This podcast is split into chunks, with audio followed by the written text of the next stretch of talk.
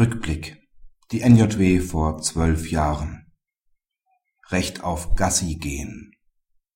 Normalerweise entscheiden die Gerichte über Umgangsregelungen im Zusammenhang mit Kindern.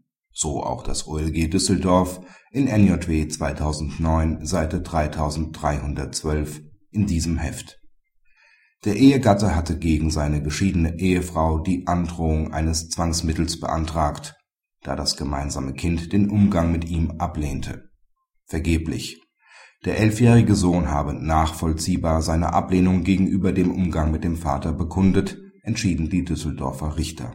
Unter diesen Umständen sei es nicht absehbar, dass die Weigerung durch erzieherische Maßnahmen der Ehefrau gegenüber dem gemeinsamen Sohn abgebaut werden könne.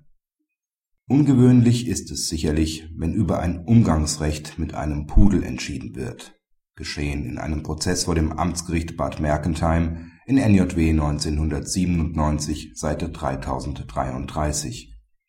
Ein Umgangsrecht im Sinne des Paragraphen 1684 BGB bei Tieren gibt es nicht.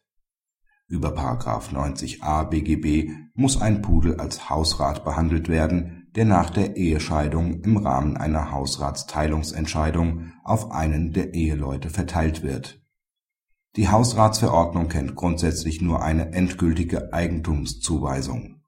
Die Parteien umschifften dieses Problem, indem sie in einem Vergleich dem Ehegatten, der den Hund nicht erhalten hatte, das Recht einräumten, zu bestimmten Zeiten den Pudel zu sehen und mit ihm Gassi zu gehen. Das Amtsgericht Bad Mergentheim hatte gegen diese Umgangsregelung nichts einzuwenden